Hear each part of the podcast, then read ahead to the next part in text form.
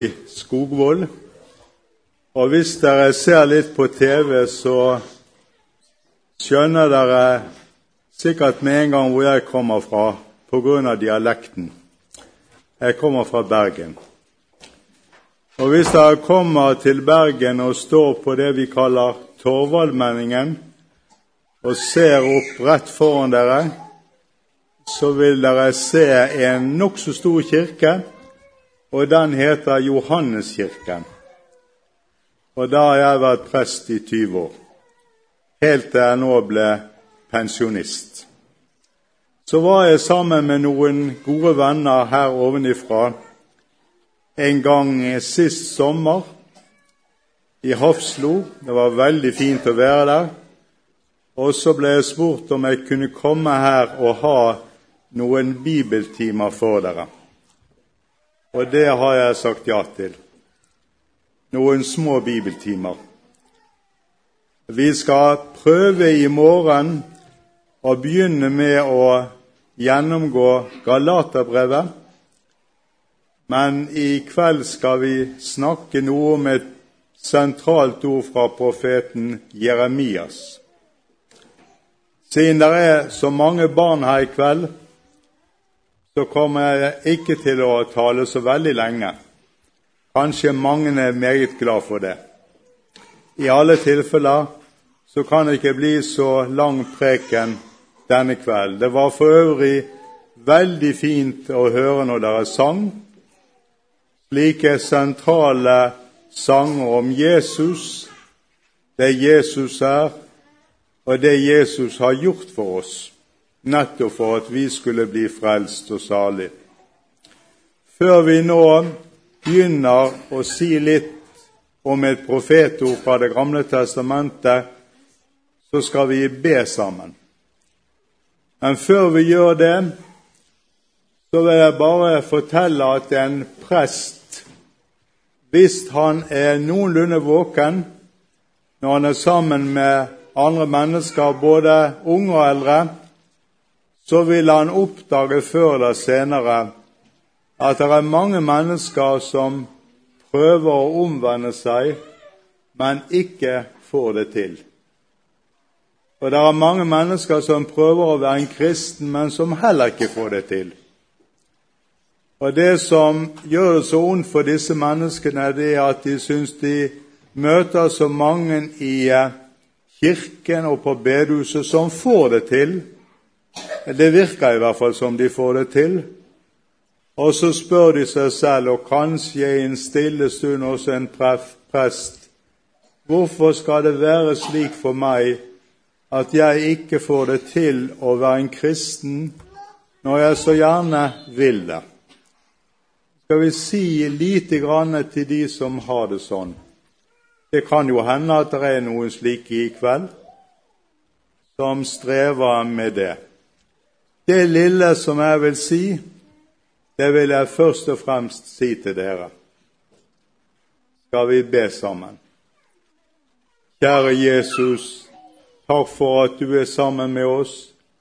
Nå ber vi om at du åpner ditt ord for oss ved din gode Hellige Ånd, slik at vi får hjelp av deg i vårt forhold til deg. Vi ber om det i Jesu navn. Amen. I siste del av profeten Jeremias bok i Det gamle testamentet, i denne profetbokens 31. kapittel, finner vi en bønn fra Guds folk til deres Gud gjennom profetens bunn, som sikkert også er profetens egen bønn. Altså det er folkets bønn, og det er profetens bønn. Og den bønn som vi snakker om nå, den lyder slik Omvend meg, du, så blir jeg omvendt. Du er jo Herren min Gud. Vi finner en tilsvarende bønn i profetbokens første del, hvor profeten ber Leg meg, Herre, så blir jeg lekt. Frels meg, så blir jeg frelst. Det profeten med disse ordene ber om, for folkets skyld og for sin egen del, er dette skal jeg bli lekt, Herre, så er det du som må lege meg. Skal jeg bli frelst, Herre, så er det du som må frelse meg. Og skal jeg bli omvendt, så er det du som omvender meg. Denne bønnen av profeten om omvendelse samler i en sum hele Bibelens lære og forkynnelse om hva den sanne omvendelse er, og hvordan et menneske blir sant omvendt til Gud. Derfor vil vi ta utgangspunkt for vår lille forkynnelse i kveld i denne bønnen. Altså omvend meg du, Herre, så blir jeg omvendt, for du er jo Herren min Gud. Det er nok ikke så få mennesker i vår tid som alvorlig prøver å omvende seg til Gud. Ja, kanskje det er langt flere av disse enn vi vanligvis er klar over og regner med og tenker på. Du finner dem på kirkebenken, og du finner dem i bedehuset. Til og med, overraskende nok, blant mennesker som sjelden sitter sine ben i kirke eller et bedehus, finner du mennesker som strever med å omvende seg til Gud. Disse menneskene har hørt Jesu ord, hvor han sier uten at dere omvender dere og blir som barn, kommer dere ingenlunde inn i himlenes rike. Og de menneskene som vi taler om nå, har ikke bare hørt Jesu ord, men de har virkelig takt dem til hjertet, fordi de har forstått at Jesus taler alvor. Jesus sier 'hvis du vil til himmelen', hvis det ikke bare er snakk og talemåte hos deg, men altså alvor. Hvis du vil bli et frelst menneske og et sant Guds barn i tid og evighet, da må du omvende deg, sier Jesus. Det er ikke en predikant på bedehuset som sier det. Det er ikke en prest i kirken som sier det. Det er ikke engang en biskop som sier det. Men det er Jesus som sier det, klart og konsist, det er ikke til å ta feil av. Uten en sann omvendelse blir du utenfor Guds rike, både i tid og i evighet. Og når Han som er Guds egen sønn, som er kommet til Gud fra oss, taler slik om omvendelsens absolutte nødvendighet for å komme inn i Guds rike, da er det alvor.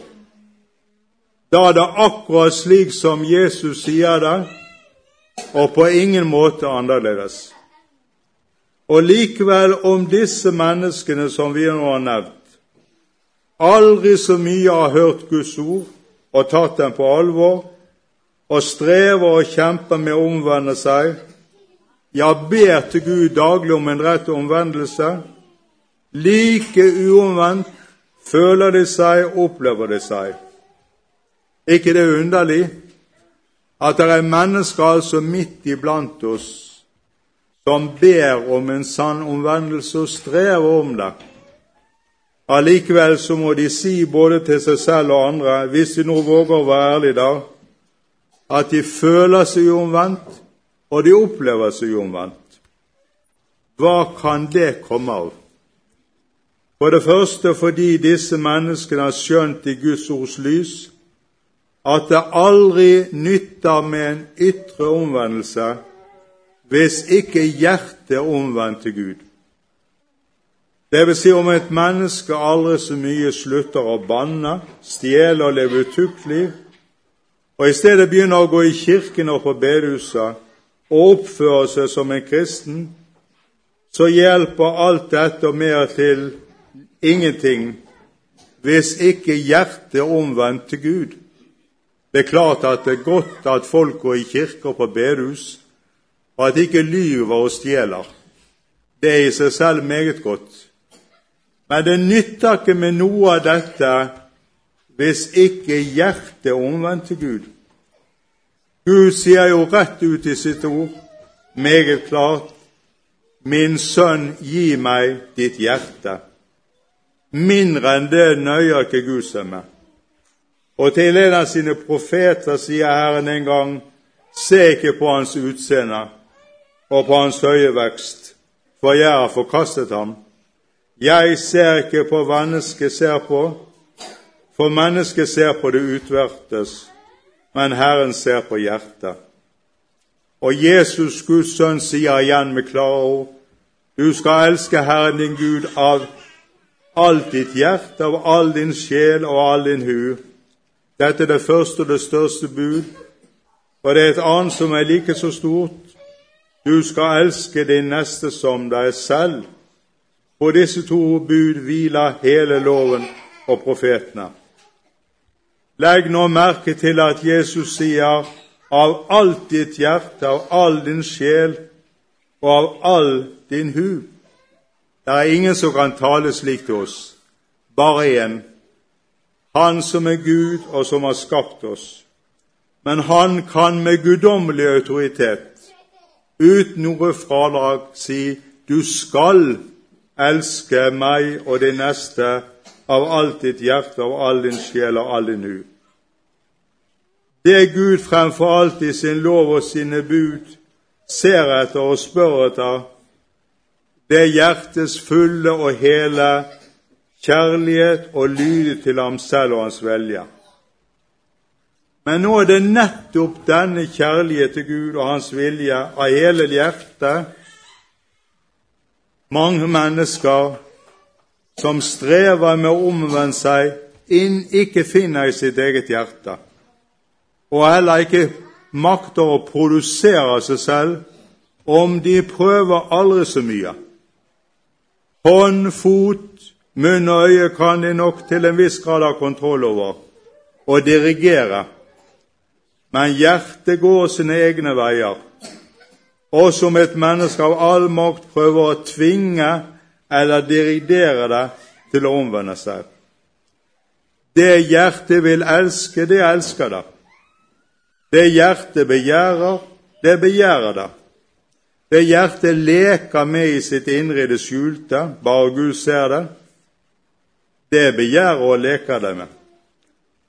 Det hjertet vil tenke og være opptatt av, det tenker det, og det er det opptatt av. Og om Guds lov aldri så mye sier du skal, og du skal ikke.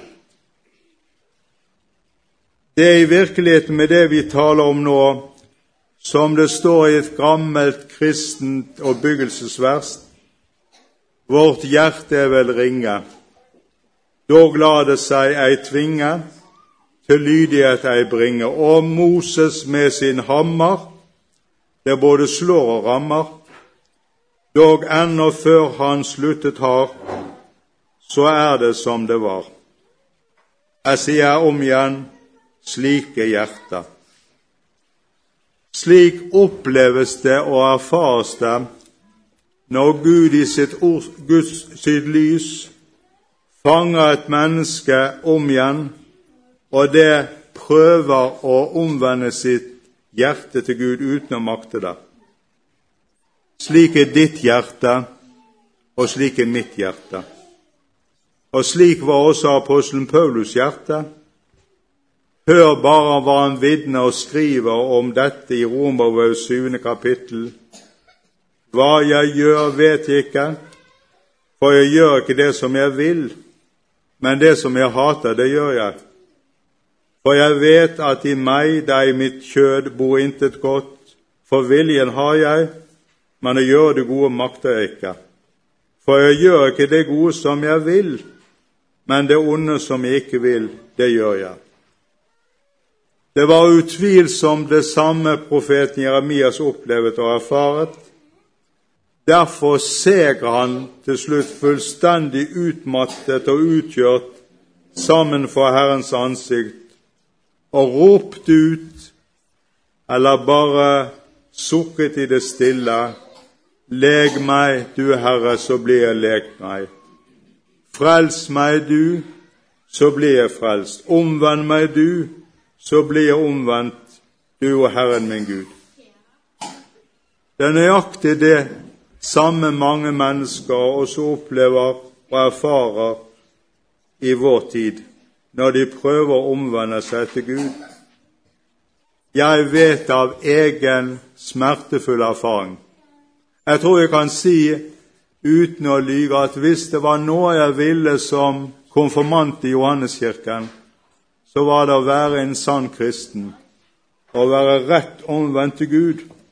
For jeg hørte jo Jesu ord uten at dere omvender dere, kommer dere ikke inn i himlenes rike. Det var bare det at jeg fikk det ikke til å omvende meg, om jeg aldri så mye prøvde. Og så har jeg jo senere opplevd, f.eks. som prest, at jeg har satt unge mennesker foran meg og gått og våget å bekjenne og si presten må ikke tenke det at jeg ikke vil være en kristen, og at jeg ikke vil omvende meg til Gud. Men jeg leser jo Guds ord at jeg må omvende meg av hele mitt hjerte, og det er jo akkurat det jeg ikke får til. Når et menneske opplever dette om seg selv, så rakner alt for dette mennesket. Synserkjennelsen og synsbekjennelsen, angeren, alt sammen rakner som et møllspiskt. Da tvinges et menneske, ungt eller gammelt, til sitt å innrømme både for Gud og seg selv. Jeg duer ikke til å omvende meg selv, i hvert fall ikke hjertet. Og det er altså det Gud krever. Det er kort og godt ikke stoff eller material i meg til å bli omvendt av hjertet og i hjertet til Gud, det vil si å være en kristen, en sann kristen. Å lese dette i en bok, eller for så vidt høre det i en tale, det er en ting, men å oppleve det i sitt eget liv, det er en meget smertefull erfaring. Når et menneske opplever og erfarer mer eller mindre av det vi har talt om nå, så er det en bønn som blir kjærere å be enn noen annen bønn, og det er nettopp denne Omvend meg du, så blir jeg omvendt. Du er jo Herren min Gud.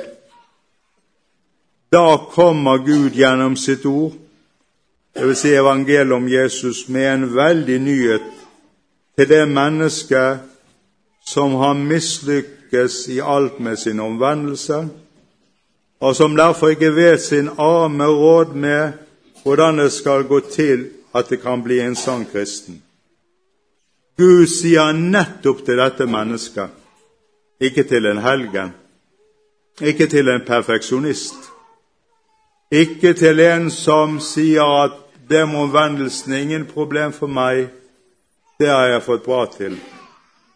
Men akkurat til det motsatte mennesket, som har det slik som vi nå har skildret. Til det mennesket kommer Gud og sier, 'Jeg vet at du ikke kan omvende deg i hjertet.' Jeg har visst det hele tiden. Jeg er ikke blitt overrasket over det. Det er det bare du som er blitt. Jeg visste alltid, nå vet du det også. Men nettopp derfor har jeg latt min sønn, den Herre Jesus, leve det livet under min lov som du skulle ha levet, og dødd den død som du skulle ha død på grunn av din synd og ditt syndighet. Han døde som din forsoner og stedfortreder han gjorde all din synd og urenhet til synd på korsets tre, som om han skulle ha vært deg. Dermed all din synd sonet rubb og stubb, og min egen lov har han oppfylt til punkt og prikke i ditt sted, til beste for deg, til din frelse og salighet.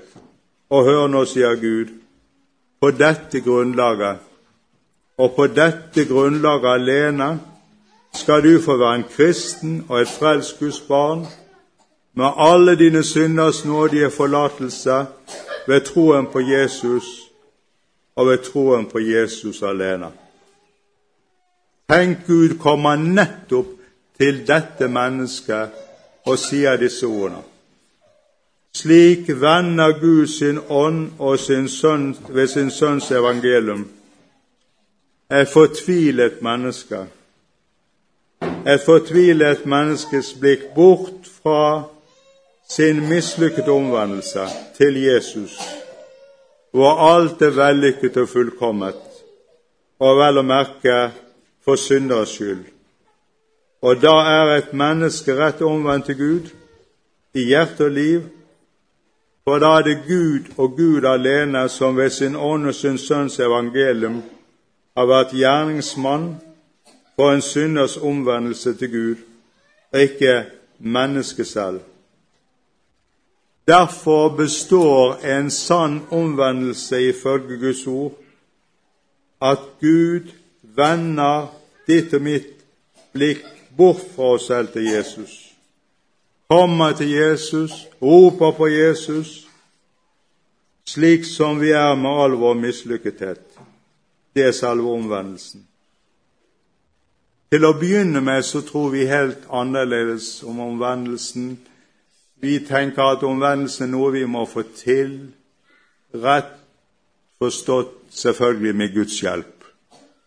Noe som vi på en måte kan ligge på bordet både for Gud og for oss selv og andre og si 'Hurra, jeg fikk det til'. Nå lykkes det for meg også. Men ifølge Guds ord så er omvendelsen nettopp det at vi mislykkes i alt, og må vende oss til Jesus i all vår hjelpeløshet. Når Gud i sitt ord, dvs. Si i Bibelen, både i Det gamle og Det nye testamentet, gjennom sine profeter og apostler, lærer og underviser oss om hva en sann omvendelse til Gud er, brukes ord og uttrykk i Skriften som til å begynne med i troens liv med Gud er rene tåketalen for oss. Vi forstår rett og slett ikke det Gud vil si oss gjennom sitt ord, men med erfaringer med Gud gjennom sitt ord, så skjønner vi det litt etter litt. Slike ord fra Guds ord er de, nå, det som jeg nå leser fra 1. Samuels bok, kapittel 12, 2 i Det gamle testamentet. Der står det at Herren døde og gjør levende. Han fører ned i dødsriket, han fører opp av det. Herren gjør fattig og rik, han nedtrykker, han opphøyer. Hva betyr disse ordene fra Herren? Det betyr fremfor alt at Gud gjør to gjerninger gjennom sitt ord med et menneske når han vil føre det til en sann omvendelse til seg. Vi kan også si når Gud vil gi et menneske en sann omvendelse i hjertet, han kommer til et slikt menneske i sin lov og sitt evangelium. Både Guds lov og Guds evangelium er Guds ord. Men det er to vidt forskjellige Guds ord. Guds lov er et helt annet Guds ord enn Guds evangelium omvendt. Nettopp av den grunn så gjør Gud to hovedgjerninger gjennom sitt ord. Gjennom sin lov så døde han et menneske. Han fører det ned i dødsriket. Han gjør det fattig, og han nedtrykker det. Gjennom evangeliets ord derimot gjør Gud et, en helt annen gjerning hos og med et menneske. Han gjør et menneske levende. Han fører det opp fra dødsriket. Han gjør det rikt og opphøyda. Når apostelen Paulus i Det nye testamentet, nærmere bestemt i 2. Korinterbrev, skriver om denne dobbelte gjerning som Gud gjør på hos et menneske gjennom sin lov og sitt evangelium, kaller han lovens gjerning i Guds hånd for en dødens tjeneste og fordømmelsens tjeneste. Evangeliets gjerning også i Guds hånd kaller apostelen derimot for en åndens tjeneste eller rettferdighetens tjeneste. Apostelen sier nettopp med henvisning til Guds lov og Guds evangelium at bokstaven slår i hjel, men ånden gjør levende. Samme sak, med litt andre ord, taler apostel Paulus om oss i romerbrev. Han sier at vi vet at alt det som loven sier, det taler den til dem som har loven, for at hver munn skal lukkes og hele verden blir skyldig for Gud, siden intet kjød blir rettferdiggjort for ham ved lovgjerninger. For ved loven kommer syndens erkjennelse. Det er lovens gjerning. I begynnelsen av romerbrevet skriver apostelen jeg skammer meg ikke ved evangeliet, for det er en Guds kraft til frelse for hver den som tror, både for jøder først og så for greker. For i det åpenbares Guds rettferdighet av tro til tro, som skrevet er, den rettferdige ved tro skal han leve. Dette er evangeliets gjerning. Vi er nødt til å si det rett ut, selv om det er lite populært i dag både i kirken og på bedehuset, at mennesket er blitt slik etter syndefallet at vi tror at vi kan omvendes til Gud. Gud sier jo i sitt ord at vi skal omvende oss, så må jo det bety at vi også kan omvende oss. Men når et menneske i lys av Guds ord lærer seg selv å kjenne, så oppdager det litt etter hvert. Det hører med til det å være en del av syndefallet at jeg ikke kan omvende meg av hjertet. Jeg kan ikke elske Gud av hele mitt hjerte og min sjel. Hvis jeg nå våger å være helt ærlig og blottlegge meg akkurat slik som jeg er, så er det bare én som jeg egentlig elsker av hele mitt hjerte, og det er meg selv. Når et menneske opplever det gjennom Guds lov, så er det én person dette mennesket får mer bruk for enn noen annen, og han heter Jesus. Det Jesus er, det Jesus har gjort, det Jesus har fullført, og vel å merke for syndere, for hjelpeløse, de trenger nå å høre dette evangelium. De trenger å høre at du skal få lov å være en kristen og et Guds barn med alle dine synders nådige forlatelse, bare for Jesus skyld. Ikke delvis for Jesus skyld og delvis for noe annet. Bare for Jesus skyld. Det kommer av at Gud regner bare med Jesus i ditt og mitt sted. Vi har det med å delvis regne med Jesus og delvis med oss selv. Gud regner bare med Jesus. Gud sier det som vi hørte i denne fine sangen som barna sang til å begynne med. Det er nok det som Jesus gjorde. Det er nok i himmelen for Gud, og derfor er det også nok på jorden for hver eneste synder som tar sin tilflukt Jesus. Det som vi kaller for frelsesvisshet, det at vi blir viss på at vi er en kristen og et Guds barn, det er forankret i dette at det er nok det Jesus gjorde. Jeg trenger ikke noe mer. Jeg har ikke bruk for noe mer enn Jesus og det Jesus er, og det Jesus har gjort til frelse og salighet. Er det nok for Gud, så må det vel saktens også være nok for meg. Nå har vi prøvd å tale ganske kort om omvendelsen.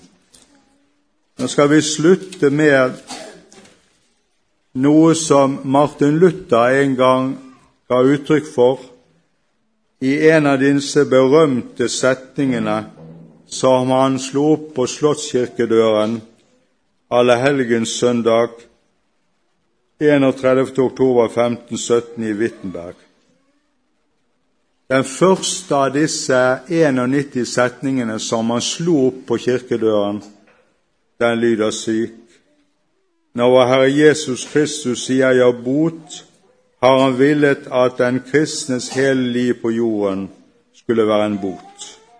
Nå bruker vi et litt annet ord enn bot, så vi sier når vår Herre Jesus Kristus sier 'omvend dere', har han villet at den kristnes hele liv på jorden skulle være en omvendelse. Når et menneske, ungt eller gammel, blir omvendt til Gud ved troen på Jesus, så begynner dette mennesket omvendelsens vei sammen med Frelseren. Selve omvendelsen den kan skje i ett nu, eller den kan skje over en viss tid, når man griper evangeliet om Jesus. Men så er det noe som heter omvendelsens liv. Jeg vandrer sammen med Jesus. Jeg har bare lyst til å si lite grann kort om det til slutt. Noe som er så karakteristisk for å vandre omvendelsens liv sammen med Jesus. Det første er at jeg blir enig med Gud når Han taler til meg om min synd. En kristen er ikke syndfri. En kristen er en synder selv om han er en sann kristen. En kristen er ikke bare et nytt menneske ved Den hellige ånd.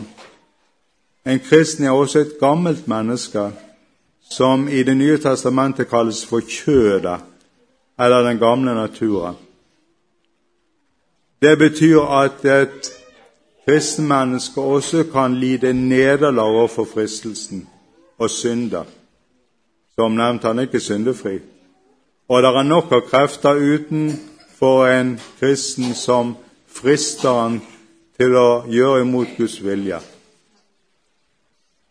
Det viktigste når jeg har falt i synd, det er at jeg blir enig med Gud om at det som Gud i sitt ord kaller synd, det er synd. Ja, men, sier man, nå har vi fått et annet navn på det. Ja, det kan godt hende, men det hjelper ikke. Det Gud kaller synd, det kaller også en kristen alltid synd. Og det går jeg med til Gud med. Det farligste for et menneske som nå ved evangeliet er blitt omvendt til Gud, det er at man begynner å forhandle med Gud om synd. At man dekker det til på en eller annen måte, at en skjuler den. At man ikke vil bøye seg for ordets tale om synd. Det er så det mest karakteristiske for en sann kristen, en omvendt menneske, det er at jeg lærer å bli enig med Gud om hva Han sier om, i sitt ord om, om synd. Det er det første. Det andre er at jeg blir enig om Gud, hva Han sier om nåde. Det tenker han gjerne at det er jo enkelt. Nei, det er det vanskeligste av alt. Det er vanskelig å bli enig om Gud når han taler om synd, men det er tusen ganger vanskelig nå å bli enig med han når han taler om nåde. For vi vil så gjerne drive byttehandel med nåden. Gud får noe av meg og deg, og så får vi nåden tilbake. Sånn må jo det være. Nei, jeg sier nåden i Jesus Kristus, det er noe som Jesus har betalt med sin død og sitt blod på korsets tre. Den får du for intet, uten vederlag, uten betaling, uten gjengjeld. Med en gang det er snakk om vederlag, så er det ikke nåde lenger. Da er det noe helt annet. Jeg ble enig med Gud om at nåden får jeg for intet bare for Jesus skyld. Det er kanskje ikke så vanskelig å tro dette når livet går sin vanlige gang, men så kjenner jeg motstand mot å lese Guds ord, lese i Bibelen og be til Gud, enda jeg vet at det skulle jeg jo som et omvendt menneske gjøre.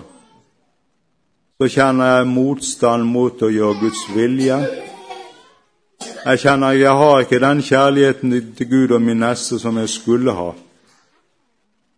Og så anklager alt dette meg og sier du er bare en hykler. Du spiller bare. da, nettopp da, er det viktig at jeg får høre det og bli enig om Gud. Du fortjener ikke min nåde, og likevel får du min nåde for intet. Gratis, uten betaling, bare for Jesus skyld. Bare for hans døds skyld. For at når denne nåden skal bli bevart, troen skal bli bevart hos deg, så er det to ting jeg bare vil føye til. Det første er at du blir enig med Gud om at hvis du vil til himmelen, så må du leve i de hellige samfunn. Jeg pleier å spise et måltid mat tre ganger for dagen. Hvis jeg ikke spiser litt og drikker litt, så dør jeg for mitt legemlige liv. Mitt åndelige liv, mitt trosliv med Jesus, det trenger næring. Jeg ble enig med Gud at hvis jeg vil til himmelen, så må jeg leve i de hellige samfunn, der de synger om Jesus, der de ber til Jesus, der de vitner om Jesus. Da jeg studerte teologi, så hadde de en gammel professor som ble, fikk polymylitt da han var i 50-årsalderen. Og Han satt siden i en stol og underviste teologistudenter i Det gamle testamentet. Han ble, som berømte menn ofte blir, intervjuet, og de ville vite hvordan han kom til troen på Jesus. Han svarte så fint til det. Kan godt hende jeg kommer til å si det to ganger minst når jeg er her oppe. Han sa det var ikke jeg som kom til troen, men det var troen som kom til meg.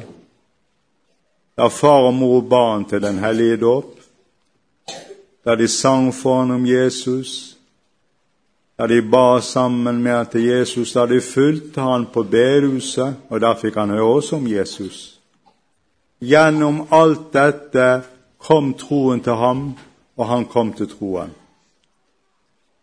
Han måtte leve i de hellige samfunn der ord om Jesus ble forkynt, for å bli i troen. Bli enige med Gud om at du må være i de hellige samfunn.